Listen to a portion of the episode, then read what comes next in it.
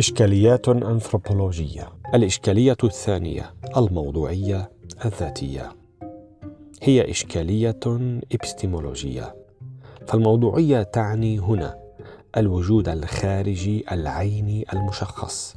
هو موجود التفت له الباحث أم لم يلتفت. وللتوضيح شجرة التفاح موضوع مشخص. رأيتها ووعيتها أو لا. بالطبع المثل يضرب ولا يقاس والهدف منه التوضيح لا أكثر. الذاتية تشير إلى أسبقية الوعي وهذا يعني أن وعيك بوجود شجرة التفاح أوجدها أي أن فكرة الدجاجه أسبق على الدجاجه ذاتها.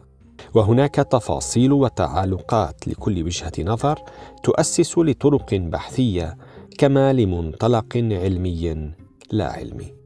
ولا علم في هذه الحالة لا يعني أنه منطلق تحريفي تجهيلي خاضع للأهواء وهي شبهة بحاجة لتدقيق.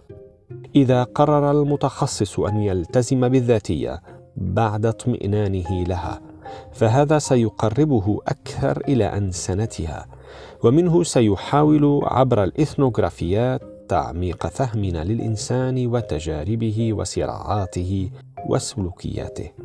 الإنسان هو نتاج ثقافة في حالة تواصل ندي أو دون فوق مع ثقافات أخرى. وكلما قبلنا الاختلاف كلما كان التواصل نديا فالذاتية تؤمن لنا قبول الاختلاف.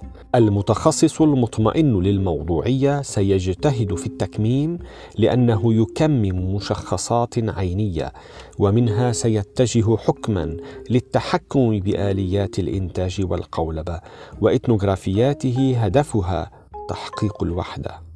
وعلاقاته الثقافية فوقية يستبطن فيها الآخر دونيه وما عقدة الرجل الأبيض إلا نتيجة ما زالت فاعلة في المجتمعات المستعمرة.